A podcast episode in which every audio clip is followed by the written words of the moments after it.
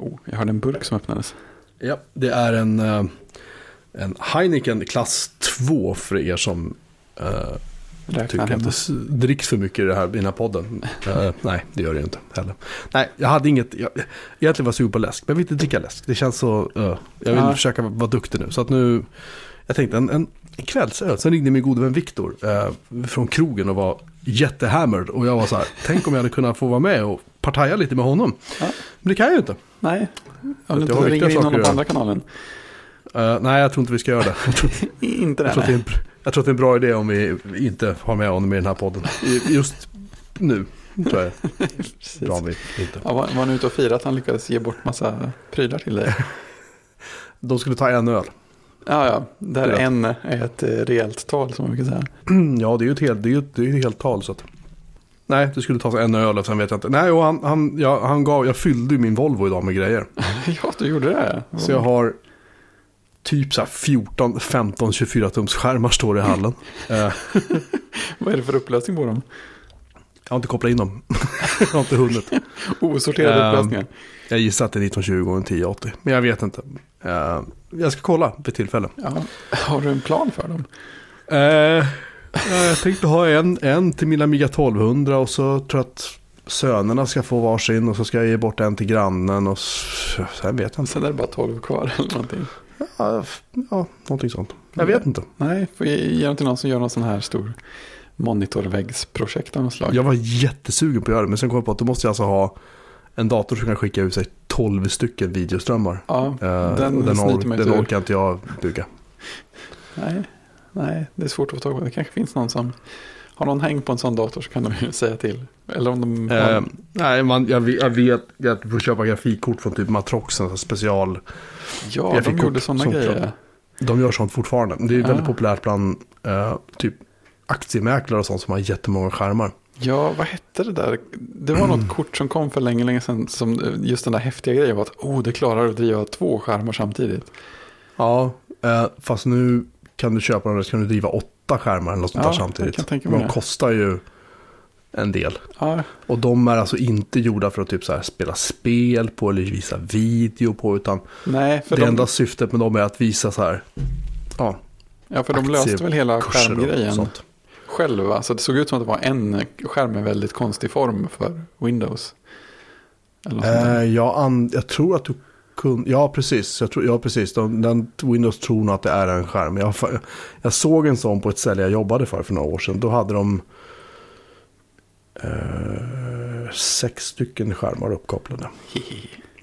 Och det var liksom via en stor fet kabel in i grafikkortet. Men den kontakten var ju typ lika hög som ett, Jag kan tro som en bakplåt på ett vanligt så här insiktskort i en PC. Liksom, Ja. full höjd. Var rejäl liksom. Ja, Men sagt, den är ju inte gjord för något annat än att ja, ja, visa liksom ganska stilla grafik. Liksom, sådär. Ja. Det kräver ju specialdrivutiner och... ja, det är klart. Ja, Men, i alla fall. Nej, jag vet inte vad jag Windows ska göra med in. Det stöder rätt många skärmar i sig också nu för tiden. Om man har Ja, grafikkort det, ja, det tror jag att det gör. Jag har ju tre skärmar om jag öppnar skärmen på min uh, ThinkPad. Ja, just det.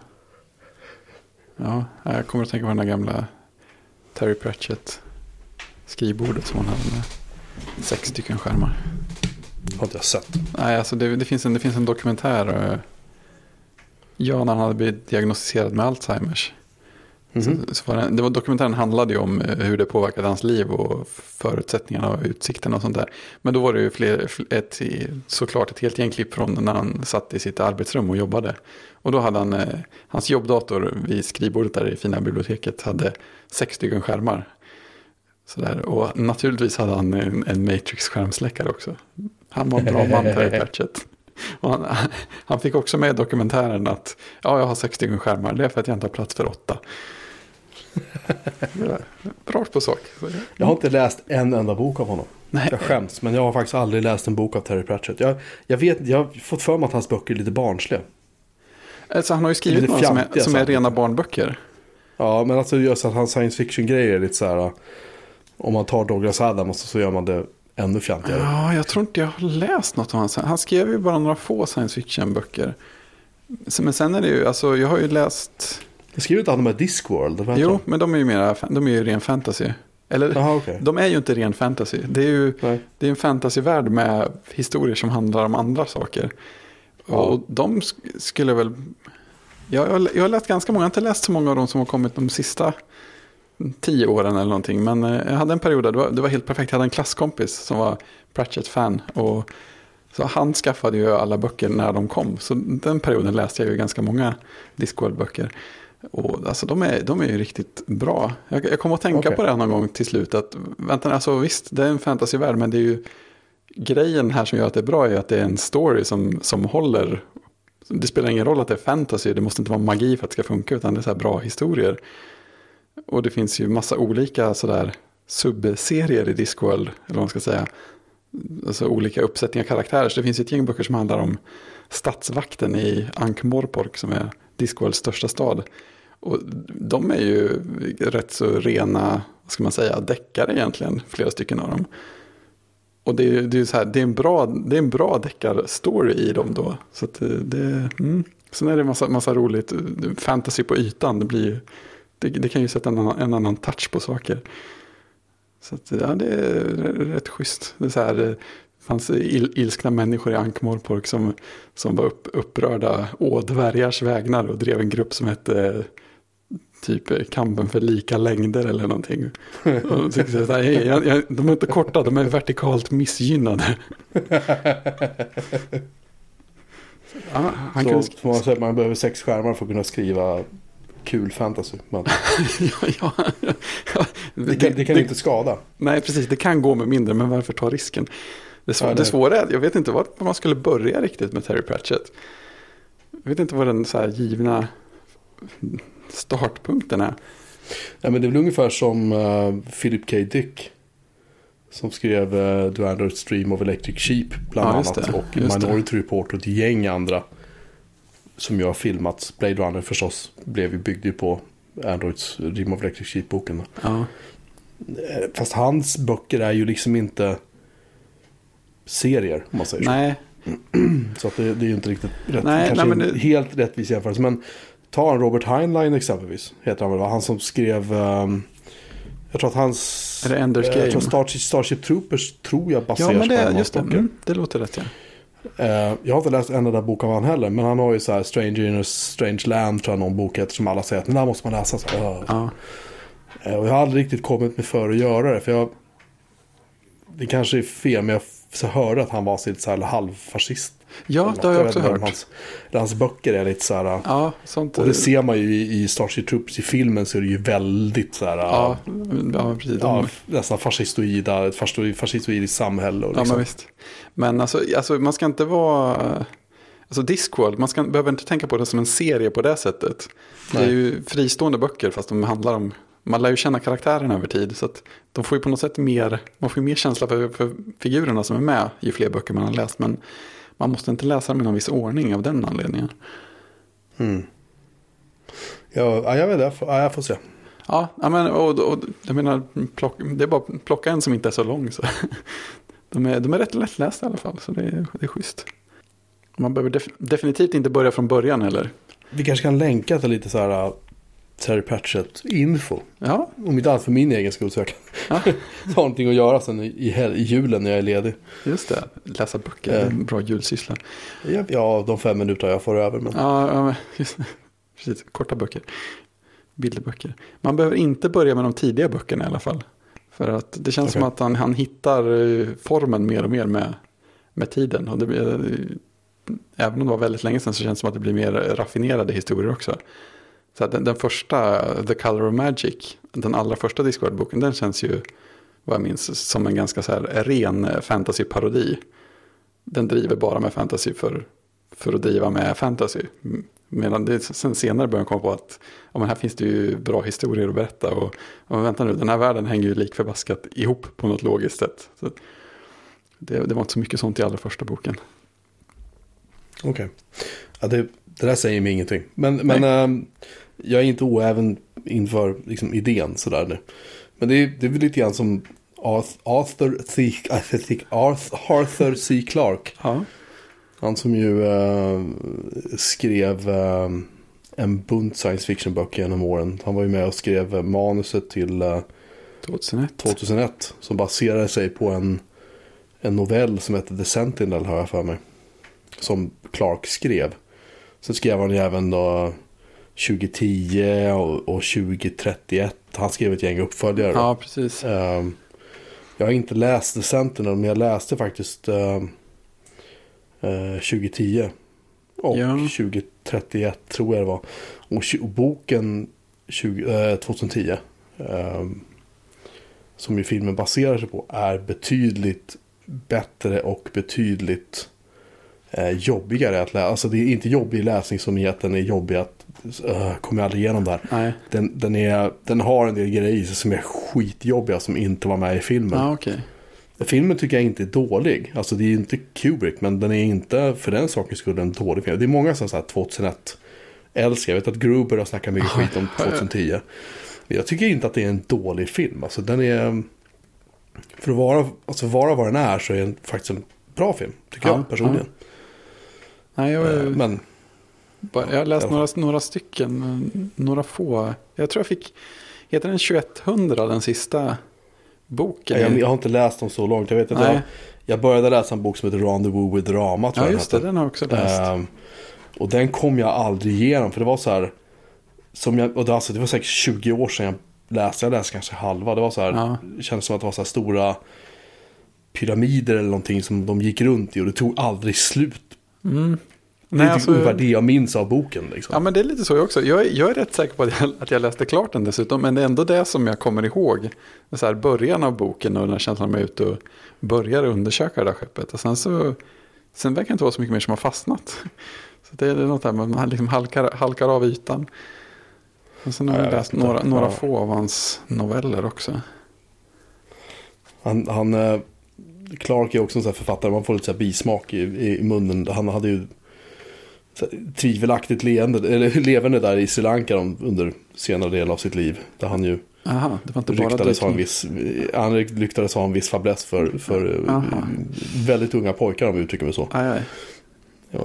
Om det var sant eller inte låter jag, Nej, nej. låter jag vara väldigt osagt. Men, men eh, det snackades om det rätt mycket. Ja, okej. Men sen när han gick bort så, typ, ja, det försvann, alltså intresset försvann ju liksom. Men han, han satt där i Sri Lanka och skrev sina böcker och, och, och verkar ju ha det bra.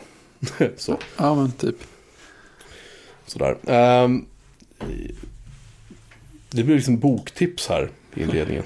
Ja, Vi som har laddat upp med en massa saker att prata om. Det här blir ju, det här blir ju då ett, ett kort avsnitt. ett kort avsnitt. Ja, precis. Ehm, jag tänkte bara slå ett snabbt slag för att man kan, om man som jag kör eh, massa virtuella maskiner under VMware eller Hyper-V så kan man använda ett backupverktyg som heter Veeam. V-E-E-A-M. Mm. Och de har en gratisversion. Och den gratisversionen är att då kan man installera den på en Windows-server. Och eh, sen så kan man starta den och så får man in ett grafiskt gränssnitt och så säger man backuppa de här, de här virtuella maskinerna från den där servern. Så VMware eller Hyper-V-servern. Enkelt och bra. Men om man har flera maskiner och man vill automatisera det här så tycker de ju då att man ska betala för det. Om man vill Ja. använda det inbyggda grafiska. Men de har då den här gratisvarianten och då har de själva faktiskt, de är väldigt sympatiska. De själva liksom publicerat då PowerShell-skript. Som, man då, som man kan gå in och konfigurera ganska enkelt. Sen kan man schemalägga de här skripten i Windows.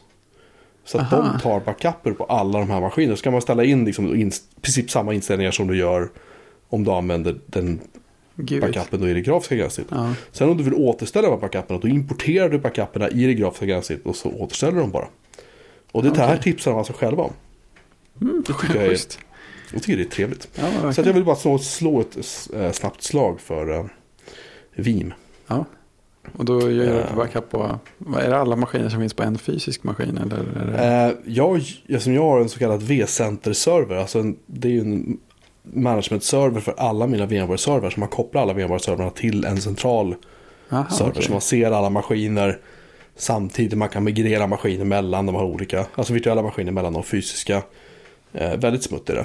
Mm. Ehm, och då kopplar man backup-programvaran till V-center-servern istället. Och så, då syns alla de virtuella maskinerna den vägen. Och så kan man bara säga backa det, det, det, det liksom. Ja, Och det kan man backa till lokal disk, man kan backa till någon så här tape, man kan backa till en SIFSIA. Jag backar till en maskin som kör FreeNAS liksom. rimligt. Funkar skitbra. Ja. Så det är ett tips. Man skaffa sig lite fler virtuella maskiner att göra backup på. Ja, jag, jag vet inte om det funkar för det här VMware Professional. Det lär ju inte funka för Fusion för att Veeam kräver ju då en eh, Windows-maskin. Ja, just det. Så det måste stå Sen där. Mm. Det kräv, däremot så kan det vara så att det funkar om du kör, säg Windows 10 och så kör du den inbyggda Hyper-V-funktionen för att virtualisera. Mm. Då tror jag nog att du kan använda Veeam på en annan Windows-maskin. Tror jag. Jag har haft Ja. anledning att undersöka det, men det kan vara värt. Vi, har, vi lägger med en länk i vår lilla lista. Ja. Ja. Folk ta det och titta på det här själva. Det är lätt att börja tänka bort sig när man börjar prata om eh, backuppa virtuella maskiner till varandra. Jag kände det, mitt diagram i huvudet kom lite snett där efter en stund. Det blir väldigt tokigt. Fast jag backar faktiskt den maskinen som program, den här Veeam körs på. Backar jag med din. Så den backar liksom sig själv utifrån. Alltså kan att du gör det under drift också. Det är det. Ja, ja, den, den, den, den tar ju snapshots på maskinerna som den sen backar. Så det är så- ganska smart. Liksom. Ja, jag kan, jag kan, mm, det känns som att någon har tänkt efter en stund där. Ja, de här, de här killarna, de skojar inte. Nej, När det gäller sånt där. jag ta en Eh, snapshot på mig själv och göra en backup på mig själv till någon. Nej, nu Klona blir, med nu blir klona det med svårt. klona med klon. Jag ska inte försöka säga sånt där.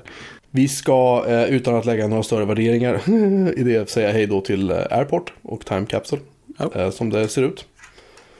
ja. de eh, försvinner helt enkelt från Apples produktsortiment. Det ska försvinna inom kort enligt eh, Bloomberg och eh, vad han nu heter, Mark någonting. Den här spolingen där. som- German. German, tack. Han som har alla scoop på Apple också. Ja, exakt. typ alltid har rätt. Ja, Han har rapporterat det här och eh, ja. Det är väl ändå en produkt som inte har uppdaterats på länge och det verkar väl i och för sig rimligt. Men det är ju synd att de inte ersätter det med någonting nytt. ja, Kan jag känna. det är nästan så jag önskar. Jag bör- Jag börjar sakna min gamla UFO Airport lite grann. Den är... Ja, den var så, jag hade en sån här vit. Mm. Inte den första, jag hade den andra generationen, den här vita. Ja, den, det var den jag hade också. Den Extreme va? Ja, och Ja. den var så snygg för att, Den var kommer du ihåg det? Det var ju vita lysdioder på den Ja, också. åh, Men de den vita lysdioderna var bara, de var, de var så här, eh, vad ska man säga, de var vita vita liksom. Och Ja. sen var ju, eh, Extreme var ju typ så nästan gräddvit. Ja, Så man såg liksom, det var så små, små tryckta symboler ovanför de här tre dioder tror jag det var på framsidan. Va? Och så blinkade de liksom vitt eller lösvitt och då, man såg det även fast det var vitt på vitt liksom. Om du förstår ja, vad jag menar. ja, men, ja, men, ja, men ja, verkligen. Det, så det var vitt, vitt och Stockholmsvitt kan vi säga att det var. Ja. ja, det var fint. Och sen, det var en sån där eh, schysst, eh, väldigt tidig eh, Apple-upplevelse för mig. För jag, jag, köp, jag skaffade Ja. den samtidigt som jag skaffade min första Powerbook. Som var, min första egna Mac. Mm. Och sen så satte jag upp det där och eh, liksom satte upp datorn ungefär samtidigt som jag satte upp mitt första trådlösa nät då via Airport och via den här Airport-guiden.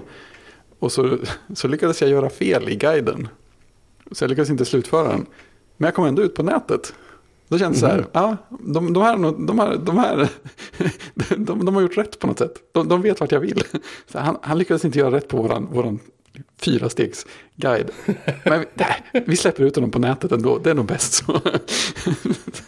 Jag, jag köpte den där, det är preskriberat nu, men en, en av de tidigare presscheferna på Apple, han, han ville, jag ville gärna köpa en, men de, de var ju ganska, jag tror de kostade 1700 spänn och någonting på det, de var ganska dyra i alla fall. Det kan nog stämma, ja, det, ja, det känns som att det var... Eh, och jag var så här, och då fick man inte pressrabatt på tillbehör, man fick den på datorerna tror jag bara. Okej, Så han köpte den med sitt kreditkort med den rabatten som han fick som Apple-anställd. Och sen så förde jag över pengar till honom bara. Så. ja, så var det bra med det. Ja, det, var, det, det är preskriberat nu. Ja. Men den, tyvärr så jag krängde av den där. Jag ångrade som attan att jag gjorde det. För jag vet inte om du minns det, men det var, de hade skickat med väggfäste Apple också. Ja visst, det kommer jag ihåg. Så coolt. Ja, jättefint. Riktigt snyggt var det. Ja, man kunde dra sladdarna igenom det så de hade tänkt på detaljerna. Ja, men jag, jag satte upp den där och dolde alla kablar bakom och sådär. Liksom, så Ja. att det, man såg bara den där på väggen och ingenting annat. Ja, det var skitsnyggt bara. Jättesnyggt. Ja, det var ju fin hur man än, hur man än hade den. Så man bara ställde den någonstans. Man ville ställa den uppe så att den syns. Den ska sväva där uppe lite grann. Ja, jag, vet, jag såg några så bilder från... Um, jag anledningen till att jag överhuvudtaget ville ha en kommod, det var för att jag kollade på Panics hemsida. De hade någon så här uh, bildreportage när de byggde sitt förra kontor. Ja, Och då hade de så här...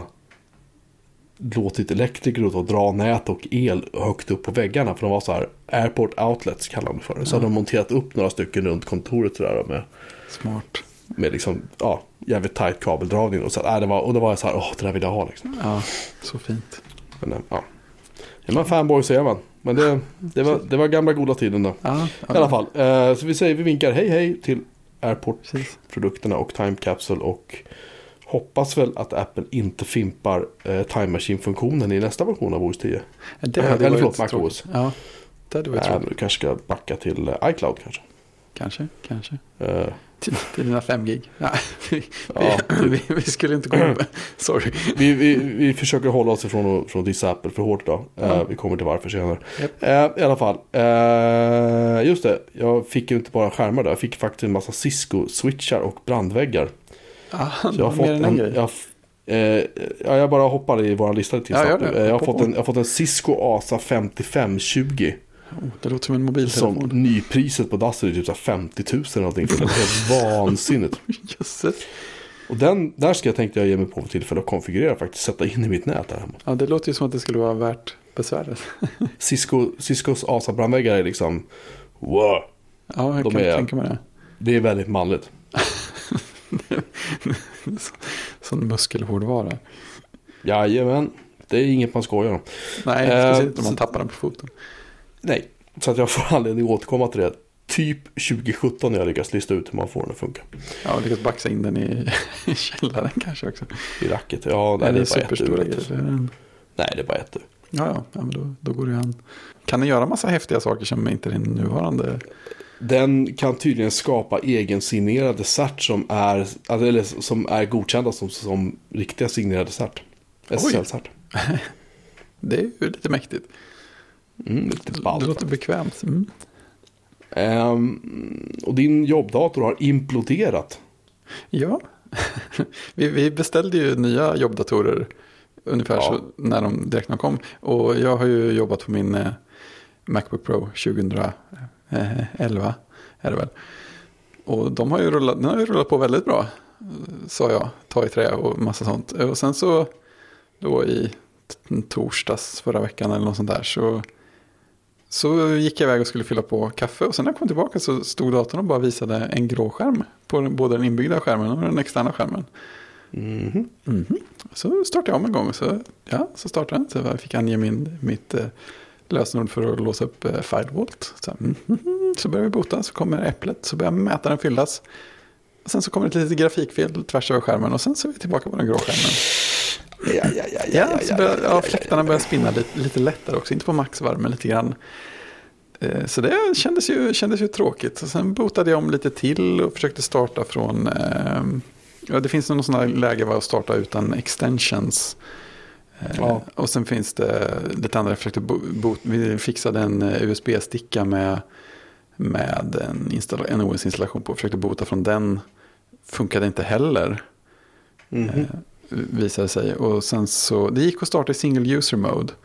Mm. Eh, och sen visade det sig också att eh, det funkar alldeles utmärkt att sätta den i target disk mode och bota det här, mitt OS eller den disken från en annan dator. Så att vi kunde verifiera att allting fanns kvar där och mådde bra. Men är någonting, vi har, Ja, det var det jag såg på bilden va? ja just det, precis. Många datorer på led. Kollegan som var, som eh, var ledig just då, lånade den datorn, bota via den. mycket, mycket smidigt. Eh, men så allting fanns ju kvar där. Men eh, ja, det känd, det, vi, hade någon slags fundering på om det är så att det går åt skogen någonting kring grafikdrivare eller grafikhårdvara när den typ försöker kicka igång det andra grafikkortet eller något. I och med att man får Ja, den har så här, den har så här discrete, vad kallas Ja, det? Alltså, exakt. separat. Exakt. Ja, man, man ska eh, avaktivera det. Ja, det, Det går skulle att göra finnas något sätt. nämligen.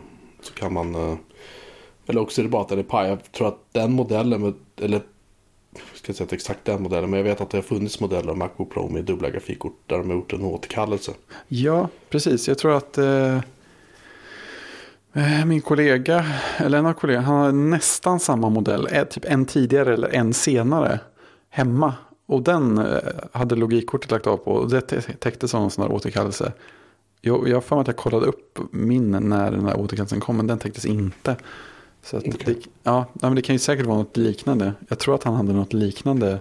Problemet manifesterade sig på något liknande sätt. När han hade. Men eh, i vilket fall så ska det ju komma nya datorer snart. Eh, I och med att vi har beställt dem. Så att, eh, jag tänkte att jag får väl jobba på en annan dator. Så att, eh, nu har jag tagit med mig eh, 12-tums Macbooken till jobbet.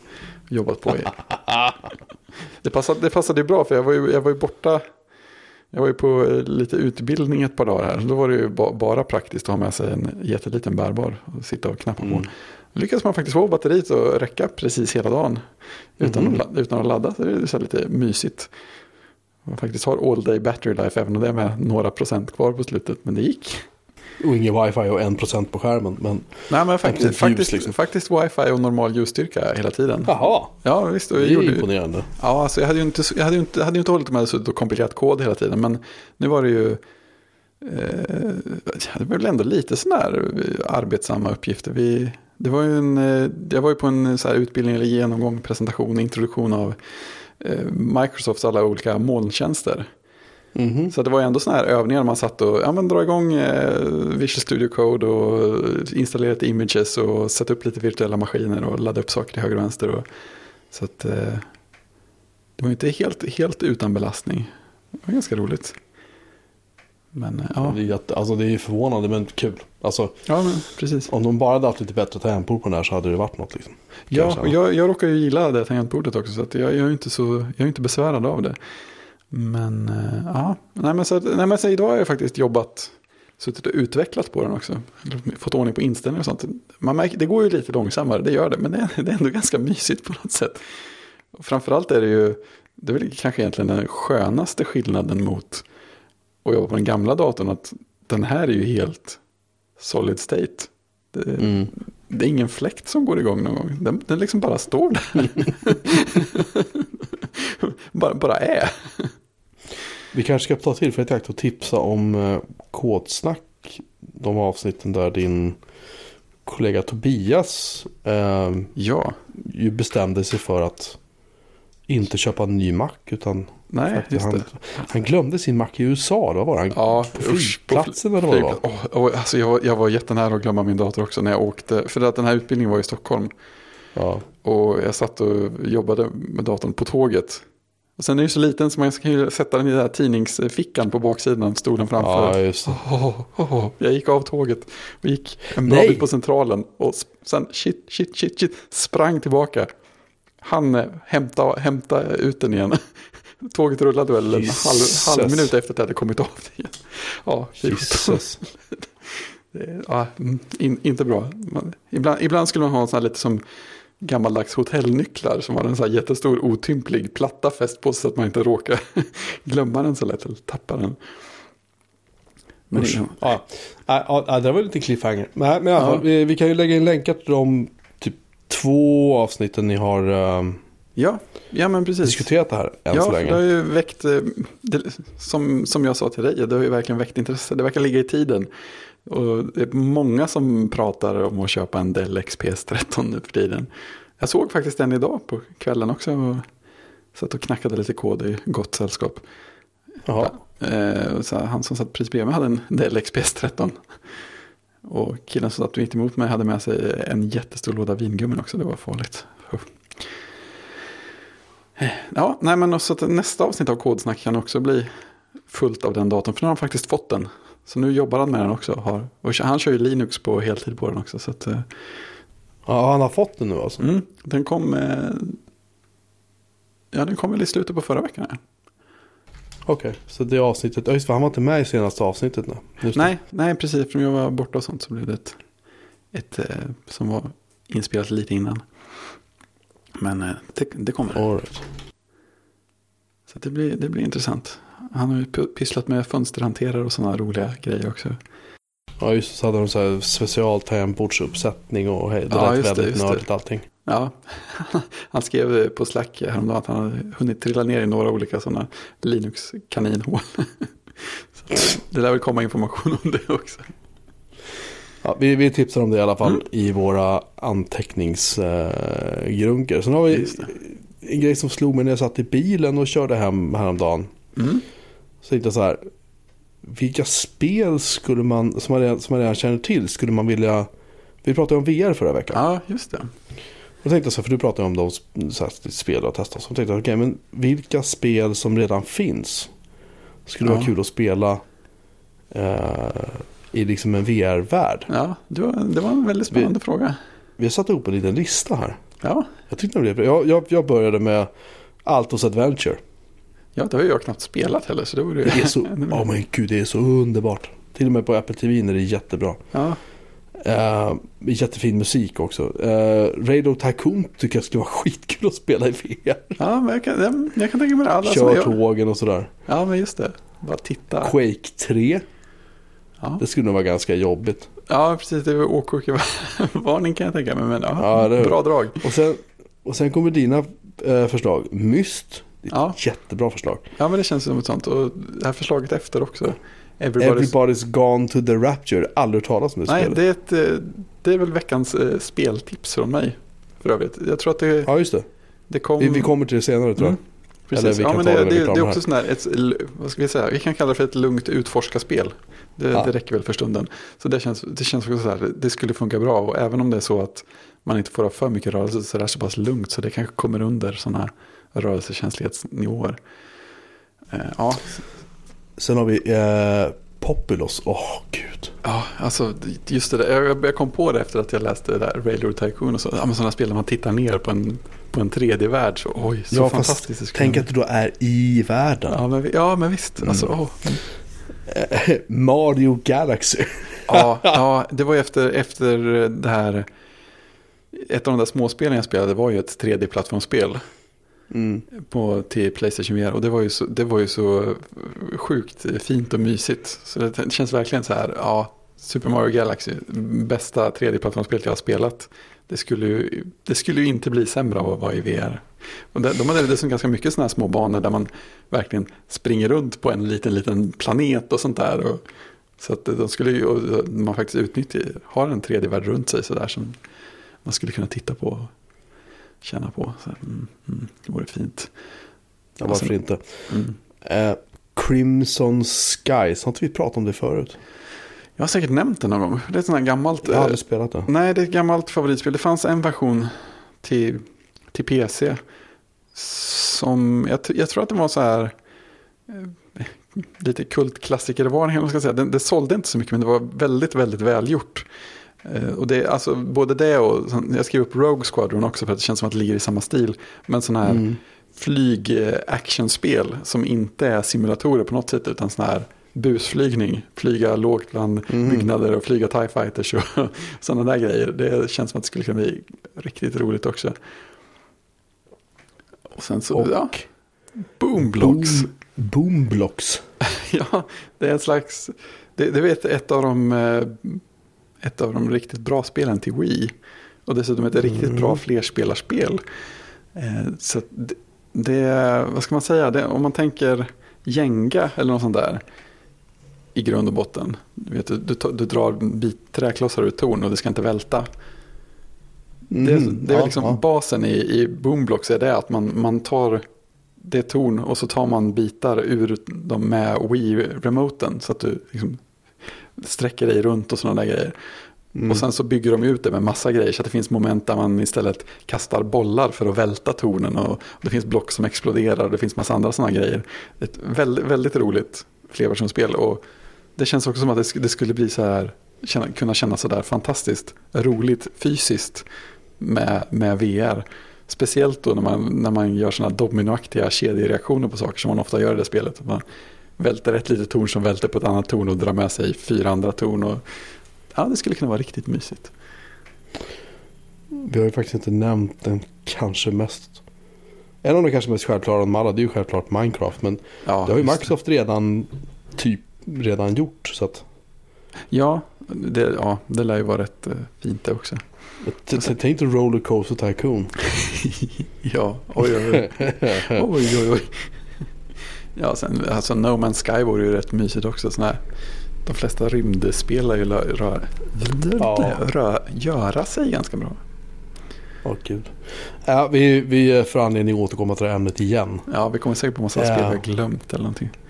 Någonting vi också måste diskutera är ju i alla fall någonting jag har väntat på Mm. i Du och nästan många andra. två år. Ja, men inte du misstänker. Nej. Eh, Tv-programmet The Grand Tour. Det är Ja. alltså Top Gear 2.0 eller vad man ska kalla det för. Ja. Eh, för de som inte är intresserade så kan ni ju gå och hämta en kaffe nu. För nu ska jag prata några minuter. Nej, skämt åsido.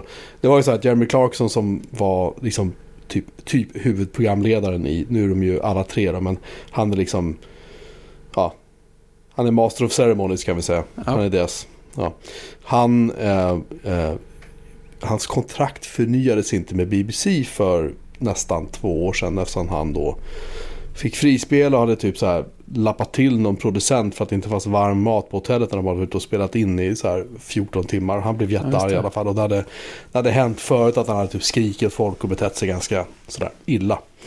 Så hans kontrakt med BBC förnyades inte och det här skedde då eh, när de fortfarande var mitt under Säsong, jag såg det. säsongen, säsong 21 tror jag det var.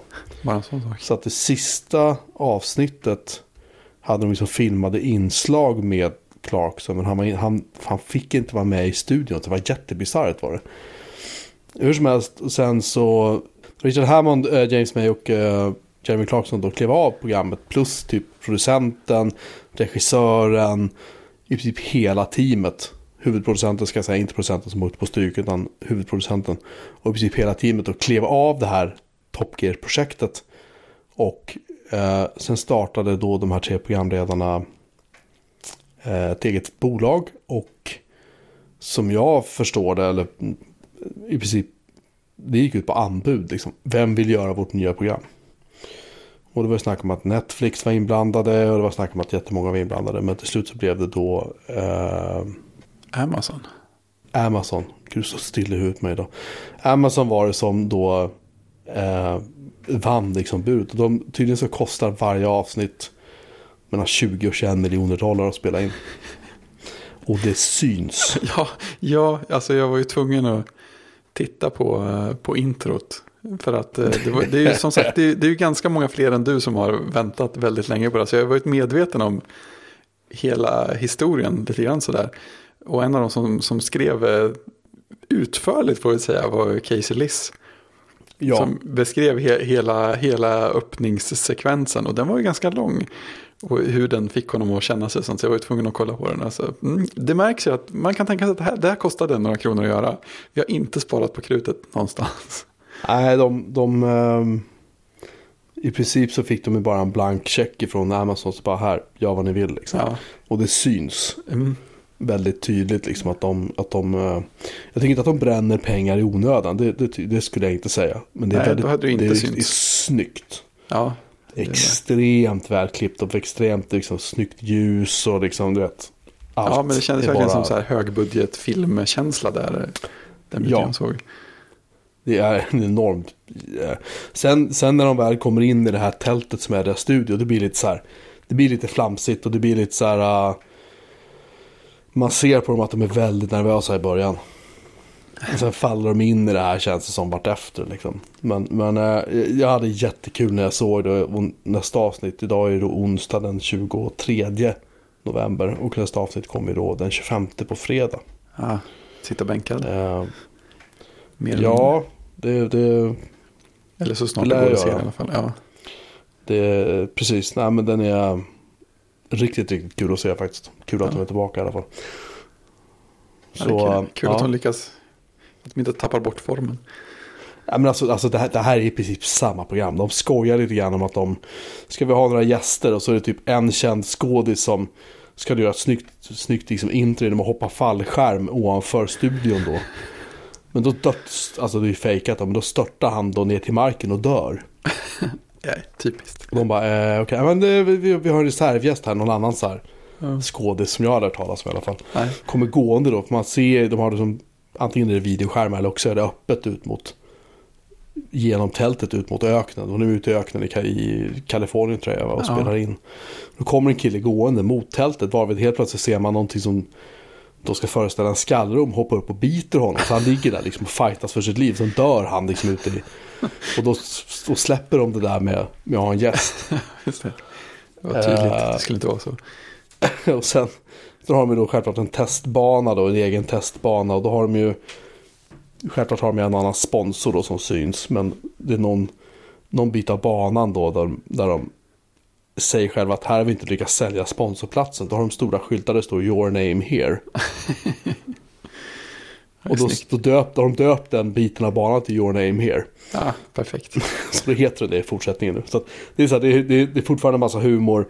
Men det, det är, skulle jag säga, i grund och botten samma program. Men jag tror inte man kan förvänta sig någonting annat. Men det här är otroligt mycket bättre än det som de försökte göra på BBC. Ja, kan tänka med Tom Kid efter att de här tre programledarna och typ hela teamet hade stuckit. Ja. Så jag är jätteglad att de är tillbaka i alla fall. Så fyra tummar av fem möjliga. Ja. Eller vad säger man? Ja, precis.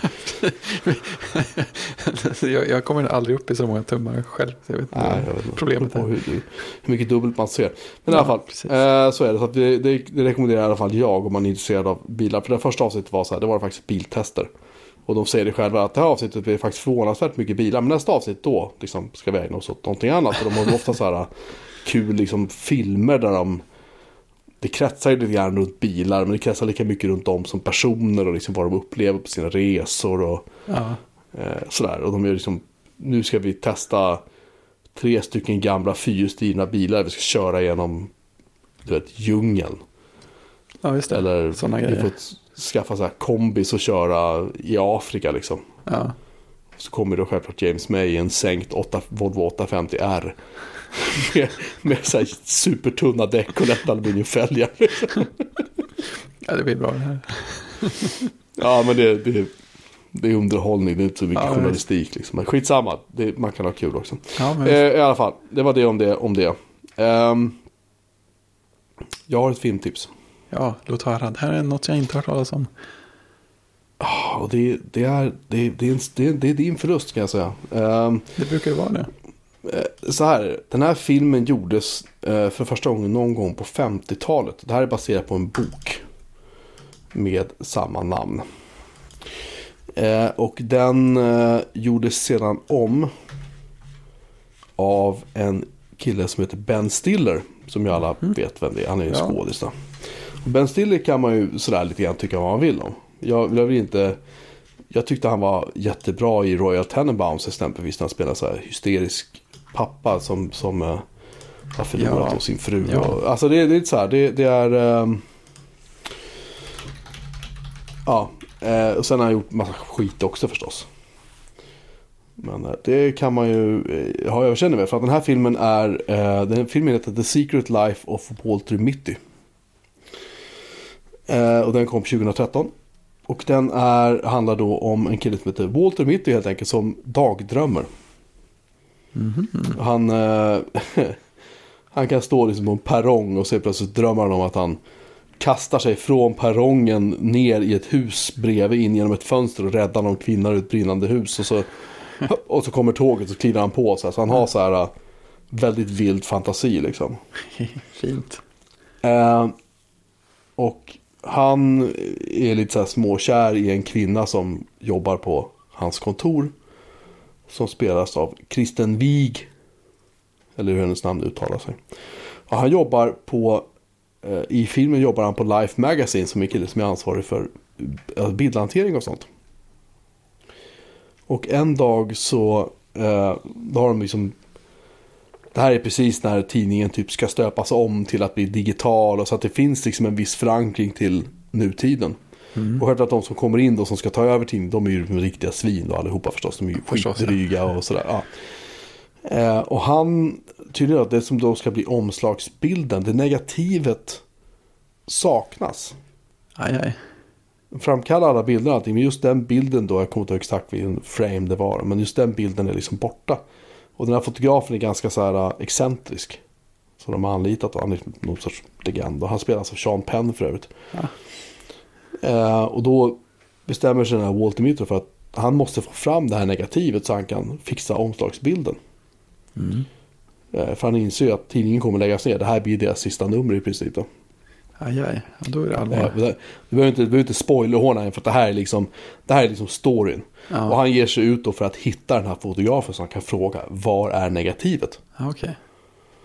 Eh, och grejen är att vad som då händer är att han övergår ju från att, alltså det han tidigare drag, dagdrömde om lite grann får han uppleva i verkligheten. Ah, snyggt. Och ja, precis. Den är eh, otroligt, otroligt vackert filmad. Den är så vackert filmad så jag nästan blir tårögd när jag ser den. För det är så Oh. snyggt. Och det är så snyggt klippt. Regin av Ben Stiller ska jag säga är riktigt, riktigt bra. Han, han är, han är en, den har fått 7,3 av 10 i betyg på Ja, IMDB. det är inte ett dåligt betyg. Nej, verkligen inte. Det, är en, det här är en riktig kanonfilm. Man behöver alltså inte, egentligen inte gilla vare sig Ben Stiller eller någon annan som är med i den här filmen. Men den är så sjukt rolig. Och gisses. Jag kan inte fatta att vi inte har tagit upp den här filmen tidigare. Eh, men den är... eh, ja, Ja, det låter, låter sevärt och trevligt. ja den, den är verkligen, verkligen, verkligen sevärd. Alltså den är helt otroligt bra.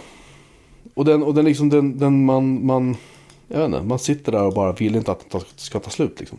Ja, det är fint. Man vill inte det. Det är riktigt Så fint. bra är den. Ja. Och den är nästan två timmar lång ska jag säga. Så att ja. den är ju, eh, Helgen är Ja. redan. ja faktiskt. Jag skulle, jag skulle verkligen rekommendera alla som vill ha en bra film att se i helgen att se den här filmen. Ja, Den eh, borde finnas på iTunes tycker jag. Ja, det gör den säkert. Och jag, jag, som, jag som sist jag skulle se en film eh, plötsligt såg Suicide Squad istället. Ja, Det var mer var den lättuggat, bra eller? lättuggat kan man säga. Alltså, den, den var lite bättre än jag trodde den skulle vara. Eh, För att jag, hade, jag kände att mina förväntningar var väldigt nedsnackade. Så, eh, ja.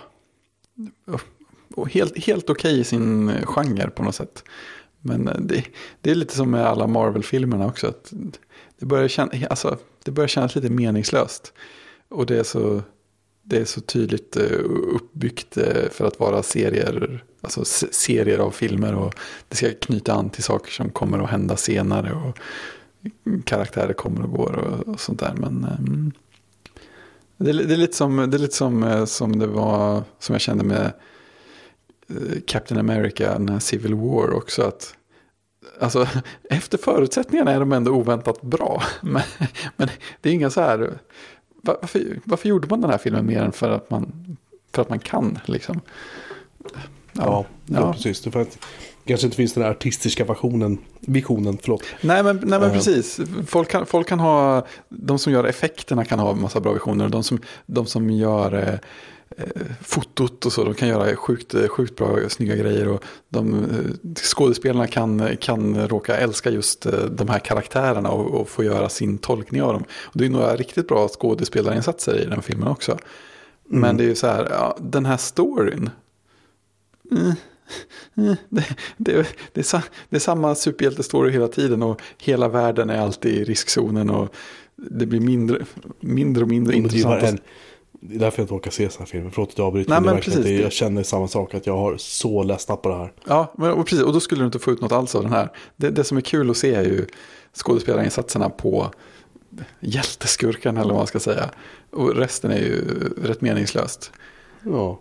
Så, och som sagt, världen är ju alltid hotad på alla sätt och hela städer går sönder och sånt där. Så, nej, nej.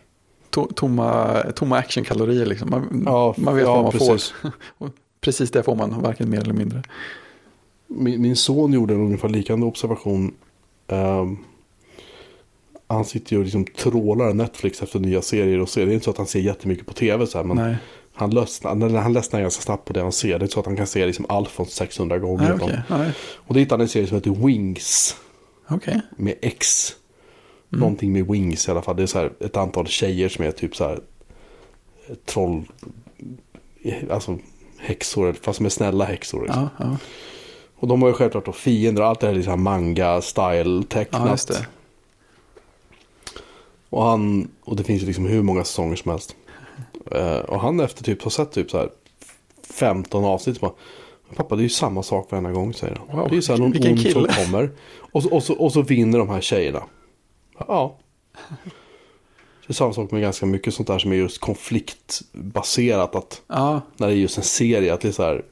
de man, de man håller på, de torskar aldrig. Och det, när man väl inser det så blir det så här, ja men vad fan ska jag titta på det här för? Nej men, ja, men exakt, och så, så känner de att de ändå måste hitta på en skurk som är större än förra gången på något sätt. Ja. Vad, är, vad är poängen? Och samtidigt är, det, samtidigt är det ju lite som att de själva någonstans inser det också. För att de här skurkfigurerna som var i den här filmen, i Suicide Squad till exempel, det är ju ingen som man överhuvudtaget bryr sig om på något sätt. Det är ingen som egentligen försöker få en att bry sig om dem heller. De är bara så här stora monster. Ja, Ja, jag, jag har inte sett den än, men jag, Nej. jag funderar faktiskt på att skita i det här. För jag, jag känner mig inte alls sugen på den filmen. Nej, men precis. Och, och jag menar, man måste nog vara sugen på en sån film för att få ut något alls av den. Och, men även då, då, då är den helt, helt okej, sådär som tidsfördriv. Men det, det är ju inte så att det ger någonting. Man kommer, kommer inte att tänka tillbaka på den filmen. Ehm, lite kul trivia förresten runt uh, angående filmen The Secret Life of Walter Mitty. Ja, Den gjordes första gången 1947 och Oj. hette då i svensk, svensk titel Här kommer en annan.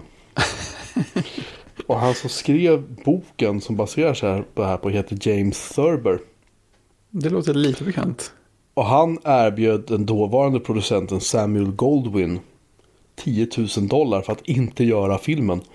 Och när den väl kom ut sen eh, så blev han James Thurber så förbannad. Han sa att jag hatar den här filmen. Och Danny Kaye spelade huvudrollen. Och han sa att det, det, var, det här var ingenting av Walter Mitty som jag hade räknat med. Nej. Det roliga är sen att den som producerade eh, remaken av Ben Stiller var eh, Samuel Goldwyns eh, son, Samuel Goldwyn Jr. producerade remaken 2013. Så det är lite kul sådär. Eh, jag rekommenderar 2013-versionen som sagt. Ja, Men, eh, förlåt. Utom möjligen till Thurbert kanske. Han kanske inte skulle vara nöjd nu heller. Ja, jag tror att han är död nu så det spelar Ja, inte så stor roll. Eh, men, eh, ja, nej, shit, vilken bra film. Eh, jag kan inte sluta, förlåt. Nej, så, så, så ska Jag det, det, det, det är tydligt. Det för fram Jag är budskap. så förtjust i den här filmen alltså. Ja, ja det, Men det är så här, man, man mår väldigt bra av efter man har sett den här filmen. Mm. Så det, det rekommenderar vi varmt. Ehm, vad har vi mer? Just det. Erik Ja, har ju mejlat in till oss. ja, fantastiskt. Massor med, Eh, Erik Vipenmyr just. tror jag att han heter efter någon. Eh, Så hej Erik, nu ska, vi, nu, ska vi, nu ska vi ta hand, nu ska vi massera in ditt mejl här. Nu ska vi se. Han eh, har lyssnat sen första avsnittet. Tack så mycket. Ja. Eh, han tycker att vi gör en trevlig podd som är eh, att skön att lägga sig trötta öron mot och bara lyssna. Jag hoppas att vi, hoppas att vi faktiskt säger någonting som är... Ja, men det, det kanske glimmar till ibland. Men Jag tror att Erik lyssnar nu i alla fall. ja, Eh, hoppas det. eh, han tycker vi ska hålla på och sluta hylla Microsoft och, och hacka på Apple. Ja, det kan ju ligga något i det. Ja, men precis. Vi får väl börja känna Men- lite men- så själva också. Ja, jag också. Jag orkar inte längre. Eh, Vilket vi kommer till snart i den här superkorta podcasten. Eh, han vill däremot diskutera julmat. Ja. Och det här känner jag. Det här här, är det här gick jag igång på. Ja, Ja. det här är spännande. Eh, han gillar inte riktigt julen. För han bor i Göteborg. Ja, jag förstår helt. Som man säger, Flytta då, säger jag då. alltså, julen består av mörker, kyla och regn som pissar ner horisontellt. Ja. han har bestämt sig för att han ska gilla julen. Och i år så ska hans sambo då, som utbildar sig till kock. Och Bra start, göra- nu, bra start. Nu ska de gå all in och göra nästan allting själva. Och det här det värmer i mitt Ja, julhjärta. De ska pynta miljarder tomtar och titta på Ensam hemma 1 och 2. Och sen fortsätter det med en julfilmslista. Ja. Som avslutas på julafton med Karl-Bertil Jonsson. alltså jag är redan så, ja, det är Ja. underbart. Jag hör, hör bjällror i bakgrunden. Jag kan säga att Karl-Bertil i det här huset är heligt. Kalle Anka och det där, det är så här, det, det, vi tittar nästan inte ens på det längre. Men Karl-Bertil, det, det är så jag sitter och skriker till familjen. Tyst, jag ser på tv. Nej, det, Precis, vad ska man det annars? ska, och det ska, och vi ungarna, vi bänkar oss. Ja, Det är Karl-Bertil. Eh, I alla fall. Han beskriver sin mammas alkoholglögg. Stark, eh, komma jättestark. Eh, shit, jag skulle vilja fira jul hemma hos Erik känner jag. Ja, det, det, det låter väldigt, väldigt schysst. Ja, men eftersom ni bor i Göteborg båda två, kan inte ni bara så här? Så jag bara, det. det bara ringer på. Ja, Hej, fan, här är han kan väl ta med sig sambon all julmat och, och mammas glögg och komma hem till dig. Alltså jag kan komma dit också. Jag sover jättebra på någon annan soffa med någon annans glögg och julmat. I alla fall, han skriver så här, han vill pröva något nytt. För två år sedan så prövade han Bolo Ray. Det vet jag inte ens vad det är. Förra året var det äggtoddy, aldrig druckit. Eh, och han vill ha hjälp av dig och mig nu. Vad är årets julmat att testa? Helst kött. Alltså det känns ju som att han frågar rätt Det, kän, det känns som att Erik egentligen borde nästan bjudas in som gäst till den här podden. För jag, jag tror att han är, han, han är en av oss liksom. det, det Han har prioriteringarna helt rätt. Mycket sprit i glöggen och gillar kött. I alla fall. Ehm, Okej, har du något förslag?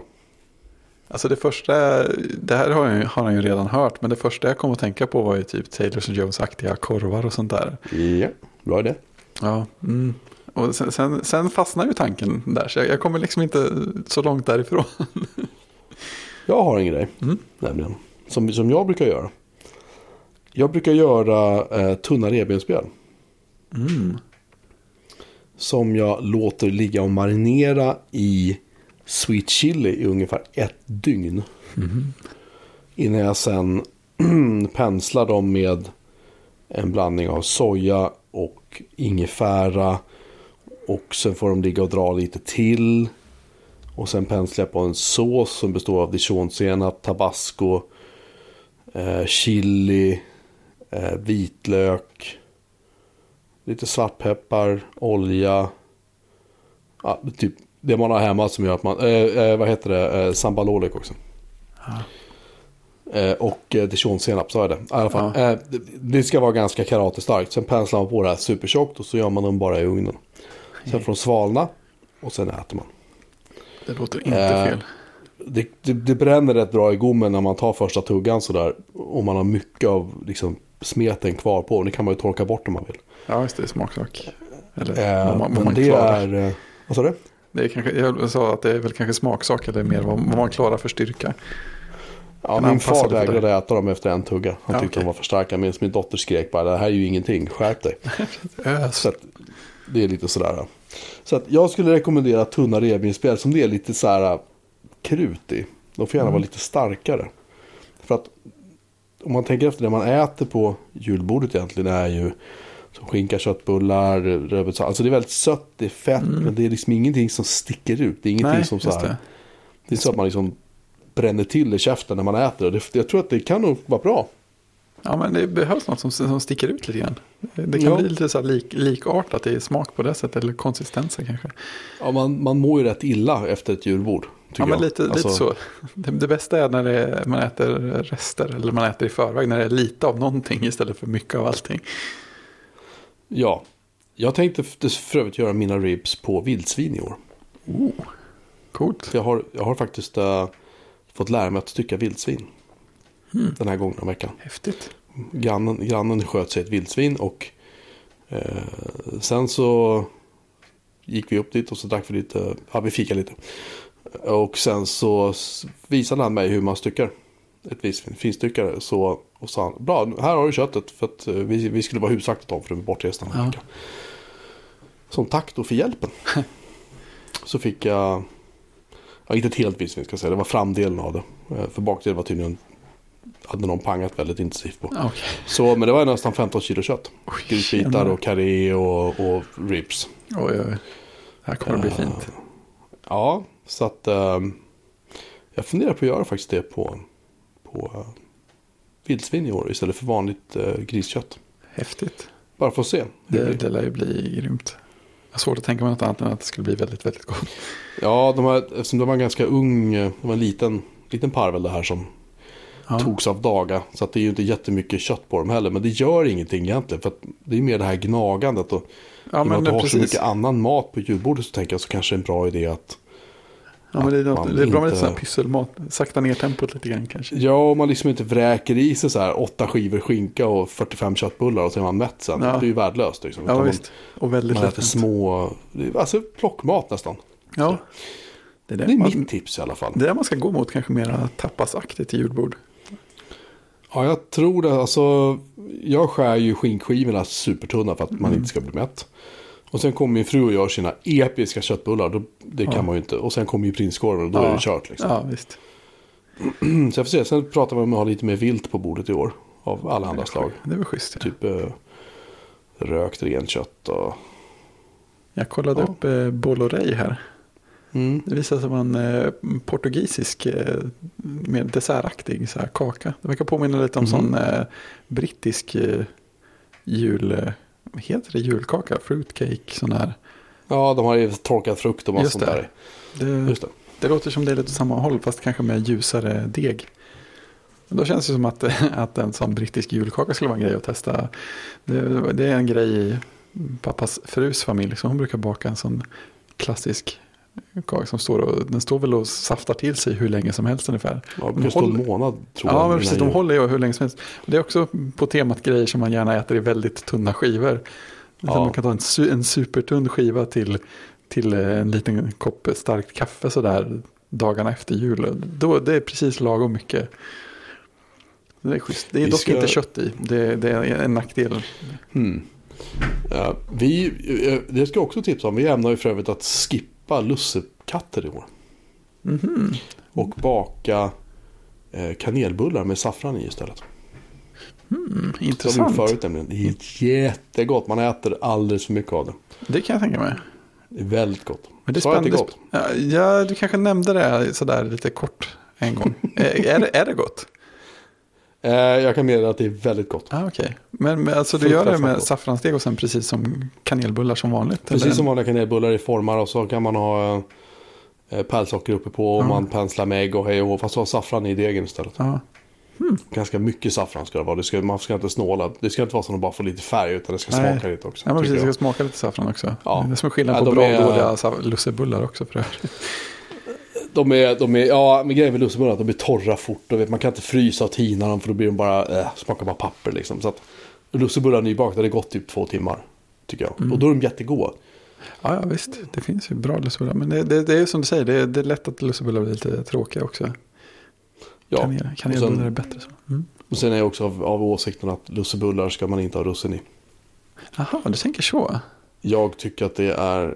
Jag gillar russin när jag var liten men nu när jag Ja. ja. jag gillar... Jag har svårt för konsistensen. Jag tycker det är svårt för smaken. Och Ja, det mm. blir så här, äh, jag vill bara usch. Så jag, ja jag, jag, har nog, jag, jag har nog gått eh, motsatta riktningen faktiskt. Jag var nog mer mot russin förr. Nu blir jag, mer, nu blir jag lite ledsen med, ibland när man köper sådana här köpelussebullar på jobbet till Lucia så, så tycker jag det är rätt trist. För att det är bara vetebulle med lite för lite saffran då också förstås. alltid. Ja, och sen så, sen så kanske det ligger ett ledset russin på toppen. Men ofta har det trillat av också. Så att det är en ledsen vetebulle utan russin. Mm, nu då- för att de är så torra vetebullar så russin har liksom det har lossnat från. det, har, det har flytt i panik. Ja. Ja, nej, så att, ja, jag, har, jag har gärna lite russin i. Men bra lussebullar klarar sig ju bättre även om lite russin. Absolut. Alltså saftiga, riktigt Ja. goda. Du vet, perfekt konsistens. Sådana lussebullar, ja det smakar jag gärna. Men Ja, problemet är här att vi bakar liksom inte tio lussebullar här. Utan Nej, då tio saffransbullar. Vi bakar liksom du vet 70-80 saffransbullar. ja, det går åt innan julafton ja men visst. i det här huset. Ja, jag tror mamma gjorde någon, har gjort någon lussebullervariant några gånger. Inte katter men mer bullformade med typ lite mandelmassa i eller någonting också. Det har jag för mig Mm. funkade ganska bra. Ja, jag, jag tål ju inte mandel. Men Nej, det, då, det är, då, låter är, ju... då det rekommenderat att låta bli. Ja, nej, vi kan väl hoppa det kanske. Ja, precis. Det, det gör vi. Det är säkrast. Det var Ja. en annan svår eh, fråga här på, från Erik också. På, precis på slutet. Mm. Vad som är årets pryl att ge bort. Herregud. Det var någon som påstod på jobbet att, eh, att eh, VR var utsett till årets julklapp. Va? Ja, jag tycker det känns ungefär lika out there dåligt som vanligt. Speciellt om, speciellt om de... Jag, jag tänkte att det värsta med den grejen är ju nästan om, om handeln lyckas få folk att köpa några VR-saker. För att de riktigt bra VR-sakerna är ju så dyra så att de kommer ingen att köpa som sådana här slumpjulklappar. Vilket innebär att om handeln lyckas övertyga folk att köpa VR-aktiga saker så kommer det vara typ massvis med Google Cardboard eller någonting. Och det är ju ingen Ja. sådär supermycket gladare. Då, då är, då, alltså, jag tror att så här att om VR exploderar för fort så kommer det bli samma sak som för 3D-TVn. 3D-TVn var ju svinhet i typ ett år. Ja, Såldes ja, men jättemycket visst. 3D-TV-apparater och folk köpt, glasögonen följer med och man la dem på bordet hemma och tänkte att nu ska det minst ses på 3D. Och sen, ja, sen Ja, men plockade man undan glasögonen för att det sågs ju inte på 3D. Och så. Ja, det står det att VR-glasögon är årets julklapp. Är- Nej, jag- det kommer ju bli så dåligt. Det går, det går inte att köpa något tillräckligt bra. Jag skulle säga att eh, eh, jag skulle säga så här, om man är Apple-nörd så är nog årets julklapp en bok. Och det är inte Apples bok utan det är en bok som heter Iconic. Ja, den har jag hört mycket bra med. Eh, som en, eh, där en kille som då är fotograf och författare, Jag minns inte hans namn tyvärr. Han samlade alltså ihop alla modeller av som Apple hade tillverkat. Som man kunde komma över. Jag tror faktiskt från Macintosh och framåt. Eller om det var till och med från Apple 2 framåt. Han reste precis land och rike runt, alltså runt i världen. Och köpte de här grejerna. Fraktade hem dem. Slutade till och med att han fyllde villan där han och hans fru bodde. Så han fick skaffa sig ett, ett förråd typ på tomten och sånt där. Så han fick plats. Och det räckte inte heller. Så han fick hyra du vet, som lagerlokal för att ha alla grejer i. Och sen satte jag igång och plåtade det här. Och, och sen så var ju planen att han skulle sälja de här grejerna igen och kanske få tillbaka alla pengarna. Men det var ju inte fullt så enkelt för att vissa grejer är ganska nischade och sådär. Det finns, jag ska hitta länken för det finns nämligen en story runt det här om hur det här Ja, jag gick tror till. Om, eller om det var att han var med och pratade om det någonstans. Jag minns inte. Men han, han har dragit den här storyn i alla fall. Men jag, jag ser det, att- jag får in och kolla på iconicbook.com. Jonathan Mm, där. heter han. Just det. Och det finns faktiskt en sektion där som heter Watch the Story som går till iconicbook.com slash video. Så eh, det kan nog Det kan finna, finnas sevärda saker där. Eh, I alla fall, den här boken finns på Bokus för typ så här 300 spänn. Oj, 350 spänn. det var ju ingenting. Nej. Jag hade förstått som att den var Ehm, riktigt dyr. Men det kanske finns nej, olika det- editions. Ja, det finns en sån här VIP edition typ som kostar så här, säkert 2000 spänn eller något. Men, Ja. Eh, vill jag bara ha en helt vanlig bok med snygga bilder i på Apple-produkter så skulle jag rekommendera Iconic. Ja, ja, den, men- den, ehm, jag, tycker att, jag tycker också att det vore synd om Apple liksom skulle körlocka så att säga inom citationstecken en bok. ja. lite grann det de riskerar att göra nu liksom. Men Iconic har ju också fler, om jag har förstått rätt, och fler produkter än Apples bok.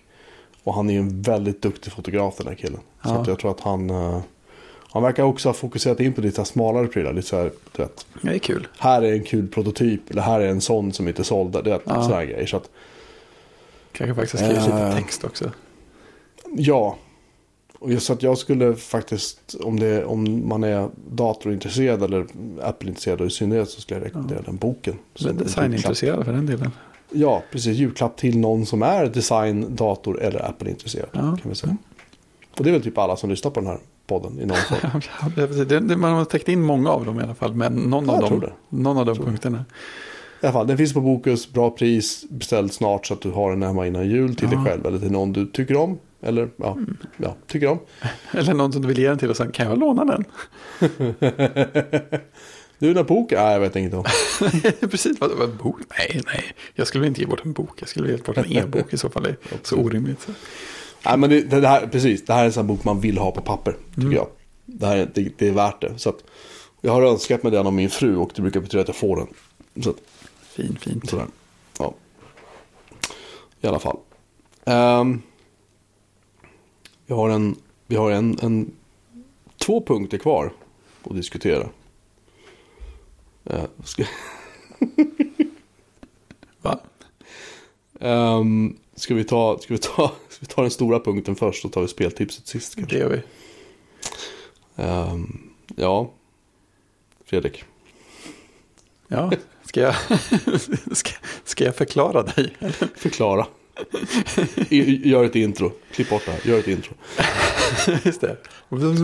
Börja om. Eller klipp inte bort det här förresten. Typ.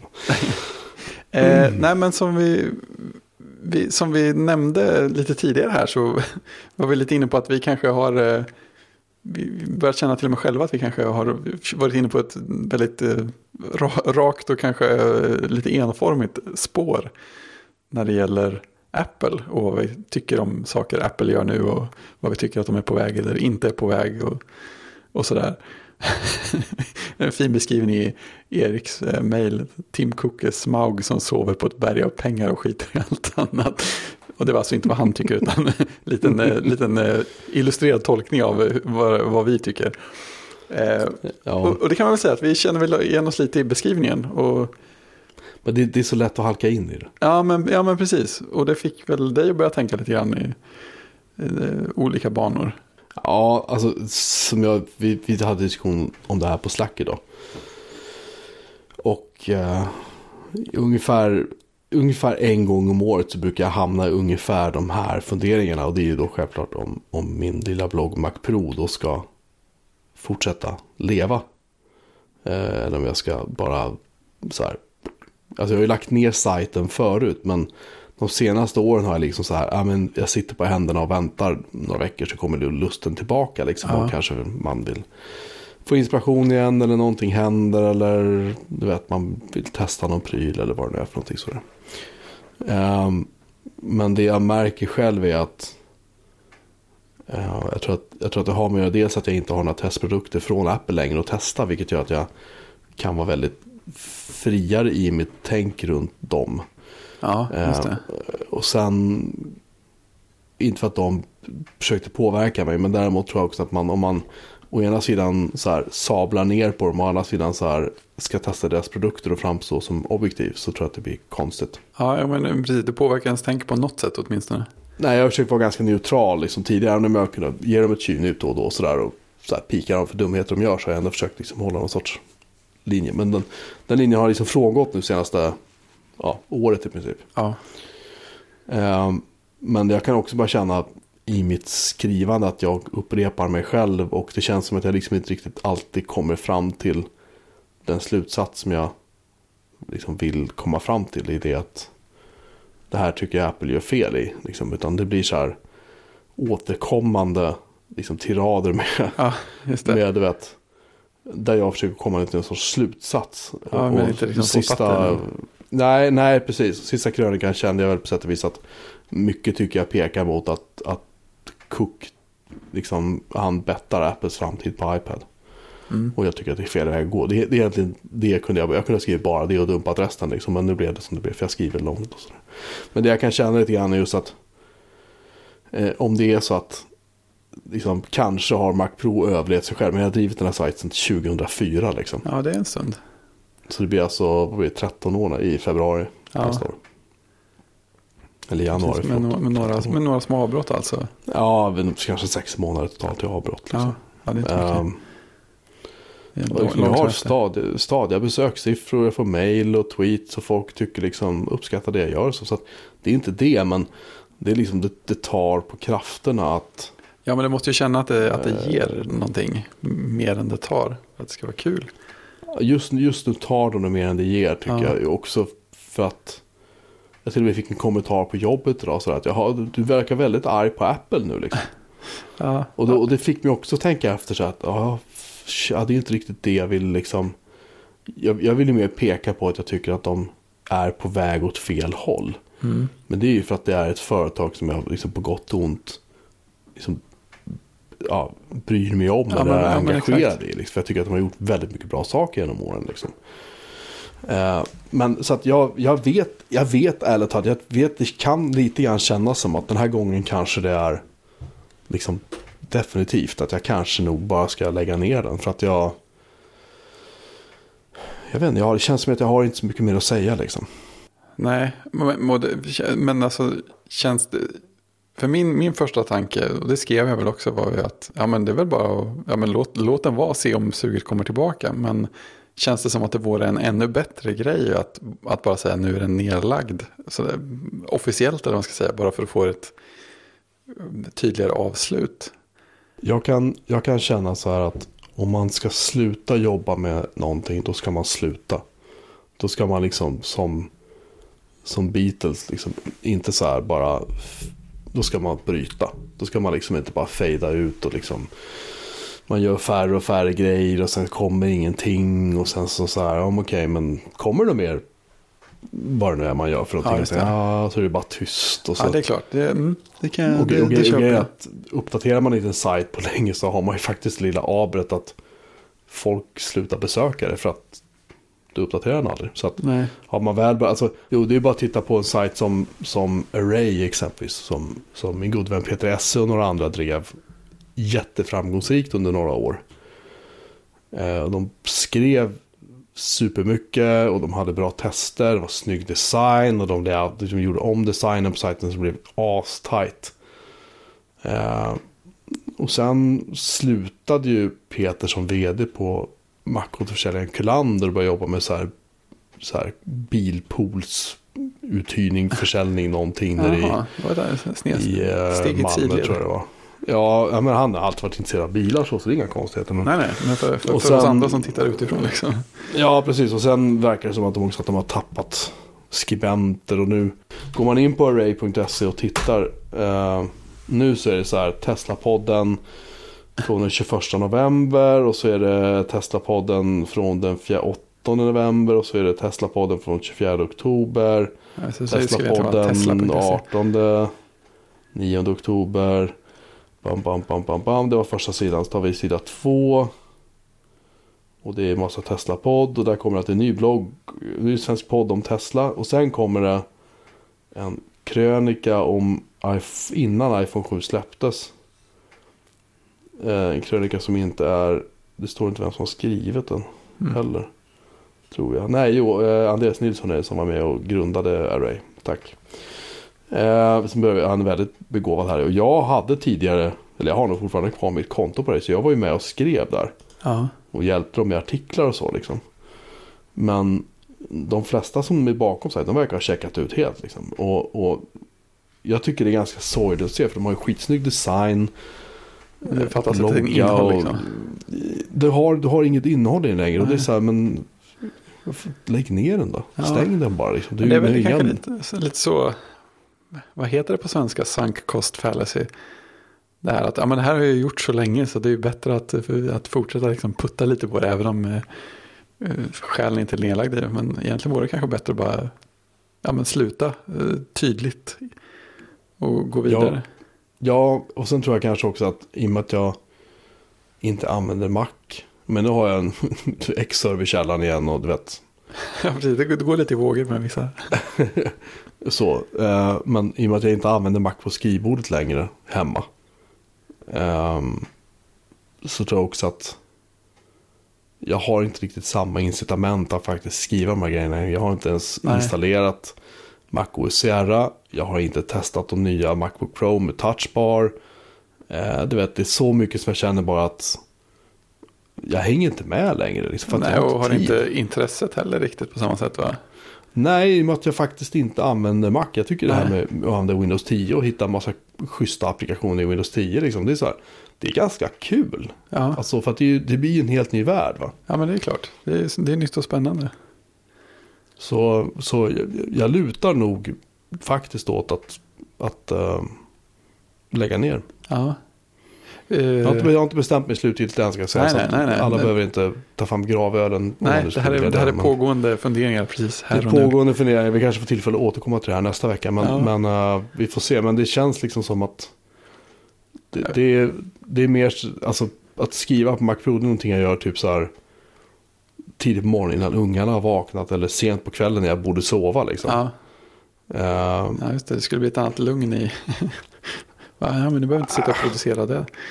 ja, men alltså det, det är också avkoppling, men det är, liksom, Ja, ja. Det är, en, viss, det är en viss tidspress att, Ja, att känna liksom att ah, nu har någon skickat ett par hörlurar till mig för test. Då måste jag ju faktiskt testa dem. ja visst. Och hitta tiden för att testa dem och liksom Ja, men jag vill, därför vill, jag- vill göra jag det tillräckligt bra.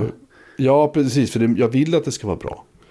Och jag testar ju i princip aldrig produkt längre. För jag känner ju så här att jag hinner ju inte med. Och det vore så jävla orättvist att säga åt folk att ja, men skicka hit den där grejen så ska vi testa minsann. Ja, ja, men precis. Men liksom, du vet. Och sen ligger de bara här i veckor och man hinner. Alltså jag kommer in i mitt arbetsrum så bara vänder jag bara på klacken och går ut. För att det är så mycket prylar liksom. Ja, ja.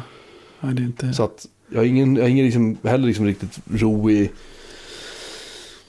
i kroppen och känna att man kan sitta ner.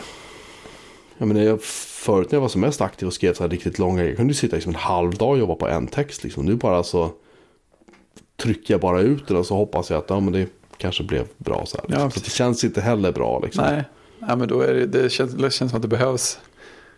Det är nyttigt, nyttigt och skönt med en, en stor ett break på, något, på ett eller annat sätt. Ja, och sen, sen kan jag väl liksom känna att man tittar på de sajter som finns kvar i Sverige som skriver om Mac så är det ju fortfarande så här. Åh, vad coolt allting de gör det. Eh, några sådana. Och sen så är det så här. Uh, de där som ägnar sig åt närmast idoldyrkan av Johnny Ive. Och, och, och sen har vi de där som försöker vara lite proffsiga. Och så har vi de där som försöker vara lite bara positiva, allmänt pigga och roliga och trevliga och så. Ingen nämnd, ingen glömd. Men det finns, det finns väldigt få som faktiskt liksom kritiserar Apple. och problemet är att det, det, har ju varit lite min grej under alla år. Att jag liksom sagt vad jag tycker. Men problemet är att ja. jag är rädd för att jag är på väg att gå överstyr. Ja. I, att, I att på något sätt överträffa mig själv. Ja, just det. Nu ska, nu ska jag vara ännu... Eh, om, jag, om jag ska vara helt ärlig. Och, och, det, och det är inte för att... Eh, för att det är så jäkla kul att såga Apple. Som sagt, för det är ett företag jag bryr mig extremt mycket om. Ja, men det är där det kommer från början. Så hade man inte brytt sig hade man aldrig jobbat upp eh, frustration heller. Det var ju som han, eh, framtidsvisionären Vannevar Bush, tror han hette, sa en gång om, om, om Macintosh. Att det var den första datorn som är värd att kritisera. Ja, just det. det... Och lite grann så eh, kunde jag känna när jag startade Mac Pro också. Att det finns saker och ting och kritisera. Men framförallt var jag, vill jag också vara en positiv röst för de som faktiskt satt. De som kom från Linux, Unix, Windows-världen och som var liksom nördar. Som hellre satt i terminalen i Gud, liksom, fast som körde på en Mac. Och det var de jag skrev för mycket första åren. Innan sajten liksom verkligen tog fart och blev stor. Liksom. Mm. Vi var en av Sveriges största Mac-sajter då som sagt. Ja, det är det. Eh, runt typ 2027, 2028 någonting. Ja, det är coolt. Um, och nu är det mer så här, ja, jag tittar på, jag tittar, jag tittar inte ofta på besökssiffrorna, men jag gjorde faktiskt i, i dag när vi pratade. Jag såg att de har legat i princip konstant på samma siffra varje månad i senaste ett och ett halvt åren. Liksom. Ja. Så att det är så här, om man, ja, en tredjedel kanske sökmotorer. Två tredjedelar är, man tittar mycket, mycket så gamla artiklar som visas. Ja. Mycket folk ja, som kommer in via Google och sådär. Och det är jättekul. Ja, men visst. Det, det finns ju um, ett värde i. Ja, så att jag, det gör mig jätteglad. Men jag vet inte. Nej. Vi får se. Jag, jag, känner, jag känner bara ingen lust runt det här överhuvudtaget just nu. Jag kanske bara ska sälja sajten eller någonting och bara. Men det, jag vet inte om jag skulle kunna göra det heller. Nej, Nej. sätta en stor stängt skylt på loggan eller något Ja, precis. Men då det är det så här. Man vill ju inte att artiklarna ska försvinna. Inte de... Nej, det finns ju rätt mycket där. Det är ju 7-8 tusen artiklar någonting tror jag. Som ja, är... Visst. Så det är alltså, mycket liksom att gräva i, mycket tester. Och testerna ja. i sin tur har ju också ett bäst före-datum. Och du vet, det är så här, jo, det är sant. Guiderna är ju sånt som är fortfarande är, är bra. Mm. Sådär. Men, äh, äh, vi får se. Jag ville ja. bara stöta blöta lite just att när har en sajt överlevt sig själv lite grann. Det kanske, vissa sajter kanske bara man ska lägga ner bara för att man lägger ner dem. Det kanske är så att... Ja, men lite grann. Alltså, man, man är så... Det är, så, det är så lätt att man, att man har sådana grejer som man var inne i ett tag och sen så Sen så gör man inget med dem, men någonstans i huvudet så har man ändå den där, ja men en dag ska jag ta tag i det där, så, så ligger det bli ett dåligt samvete istället. Det är ju ännu sämre än något annat alternativ. Mm. Det, är, det är nog bra att avsluta saker ibland. Då, då är det spännande att se vad man, vad man gör istället, det är ju jätteintressant. Ja, alltså jag vet inte om jag någonsin kommer att starta en ny sajt om jag skulle lägga ner. Mac Pro. Alltså det är knappt jag kan ta orden i min mun ens en gång. Nej. det känns så främmande för mig. Men, ja, visst. men uh, jag kanske bloggar på min personliga blogg mer. Jag skriver ja, men, precis, två, det, det kan, två det kan, inlägg om året där. Liksom. Ja, precis, det kanske blir fyra inlägg om året. Det kanske blir skrivande ja. någon annanstans. En helt annan form, vem vet. Det finns en hel värld av möjligheter. Jag är ganska trött på att skriva. Ja, jag, jag, jag, tycker, lite grann som Marco Arment märker jag på. Han, han gör ju hade podcasten och skriver ja, det, på sin blogg. Typ liksom. aldrig någonting. Nej, för han, han har ju andra anledningar. Att han blir så, han blir så felciterad jämt. Så att han, han tycker det är mycket lättare att köra podcast. Men jag kan säga att det här är mycket, mycket friare med. Det här kan vi liksom diskutera. Här är, vi, ja, här är vi två. Ja, men visst. jag skriver, jag skriver, jag alltid sagt att jag skriver för mig själv lite grann. Där jag liksom sådär, jag lite grann startade sajten för att jag skulle, för att jag skulle typ så här posta länkar för att jag skulle komma ihåg dem. Liksom. Det var också en grej jag använde Ja. Mac Pro för i många år. Ja. Men det, det tror jag inte folk förstod. Men, eh, nej jag vet inte. Jag, jag, jag, jag, jag tycker det skulle vara, jag tycker det skulle vara kul. Alltså det är klart man skulle känna sig mer motiverad om man hade typ så här. 100 000, 200 000. Nej, ja, jag vet inte om man- antalet läsare skulle vara så viktigt. Men just att man kände mera koppling till dem. Och det kan jag också Mm. märka att folk hör inte av sig lika mycket längre. Eh, som de gjorde förr. Så det kanske är också, att, också så här att Mac Pros roll kanske har spelat, kanske ut, ut, Mm. överspelad. Förstår så, Att de, så, ja, men så kan det absolut vara. Det kanske är så att de som läste Mac Pro för att de hade samma intresse med de kanske också har gått vidare. De kanske sitter där med Windows-laptop idag allihopa eller bara ja, inte bryr sig. Liksom. sån information finns på så pass många ställen nu. Så Ja. Det, inte, ja, men det är sån där, var det Glenn Flashman som hade någon, någon slags wifi, en blogg om wifi. Ja, visst. Som var så här superstor ett par år. Men jag menar, nu, nu finns wifi överallt och det är lätt att använda och det går att googla fram allt man behöver veta om det. Då, då finns inte behovet av den sidan längre. Nej, och jag har sagt jag vill inte... Jag skulle inte ha någonting emot om mitt, om mitt namn gled in lite grann mer i anonymitetens mörker. Faktiskt, det skulle vara ganska skönt. Ja, precis. Kan behöva, ja, det, är- det är intressant. Det blir intressant att se var det, var det tar vägen oavsett vi- vilket håll det blir. ja vi, vi, vi får se. Ja, det får vi. Jag, ska, jag ska ge det en vecka och se och fundera. Så nästa vecka när vi diskuterar så ska jag ha ett beslut. Mm. Ja, ja. får ta den tid det tar. Du har ett, du har ett just det, eh, speltipset. Everybody's gone to the rapture. Va, vad är det här? Ja, Jag vad förstår, är jag, det förstår här inte, jag förstår inte vad titeln betyder. Eller vad, den, vad betyder namnet? Nej, alltså. Det här, det här är ett sånt här spel som. När det gäller vad som händer i spelet så, så är det trevligare ju mindre man vet. Men eh, man kan väl säga så här att kri, kritiker, eller folk som är negativa till den här sortens spel, kallar det ju för en walking simulator och och jag, jag, tänk, jag tänkte på det att eh, jag har bara hört folk använda det i strikt negativ mening. För då menar man ett spel där man bara går runt och det inte händer något sådär spelmekaniskt intressant. Eh, Men om man, kan, om, man, om man kan använda det ordet med en positiv bemärkelse så skulle jag kunna också kalla det för en walking simulator. För att eh, det man gör är att man går runt, det utspelar sig i en liten dalgång någonstans i norra England 1984. Och man, när spelet börjar så det, det är alltså ett, man ser det ur första persons perspektiv. Och när, när det börjar så står man utanför de låsta grindarna till ett observatorium. Och det är jätte, en jättevacker eh, ja, morgon är det nog först. Eh, och man hör, eh, man hör en radio spela lite ljud ifrån ett litet hus precis intill grindarna. Och sen så går det i princip ut på att man utforskar den här dalgången. Och gradvis, mycket genom inspelningar och eh, radioklipp och telefonsamtal får reda på vad som har hänt. Så det är ett spel där man verkligen upptäcker en story och en värld. Och det är en så otroligt eh, väl genomförd eh, spelupplevelse. Alltså som sagt, att om folk, när folk säger walking simulator så brukar de ofta mena att det, att det, här är, ett det här är dåligt, dåligt som spel betraktat. Men jag tänkte på att även om det är väldigt lite spelmekanik så, så är det här ändå, det är ändå verkligen en upplevelse som inte skulle gå att göra på något annat sätt. För att det är en så stor del av upplevelsen där att man går runt själv och utforskar och ser vad som händer och tar sig framåt i den här oerhört vackra världen. Det är väldigt mycket väldigt snyggt ljus. Och dessutom så är det ju många tillfällen när det händer saker som tiden på dagen växlar. Så att om man, eh, ja, vissa, man passerar vissa kapitel i spelet så, så blir det till exempel senare på dagen. Och vissa händelser som man kommer till eh, utspelar sig också en viss tid på dagen och då spolar den så att säga framåt, framåt eller bakåt i tiden. Och då gör de det så här som, som det är när man ser sådana timelapse eh, filmklipp.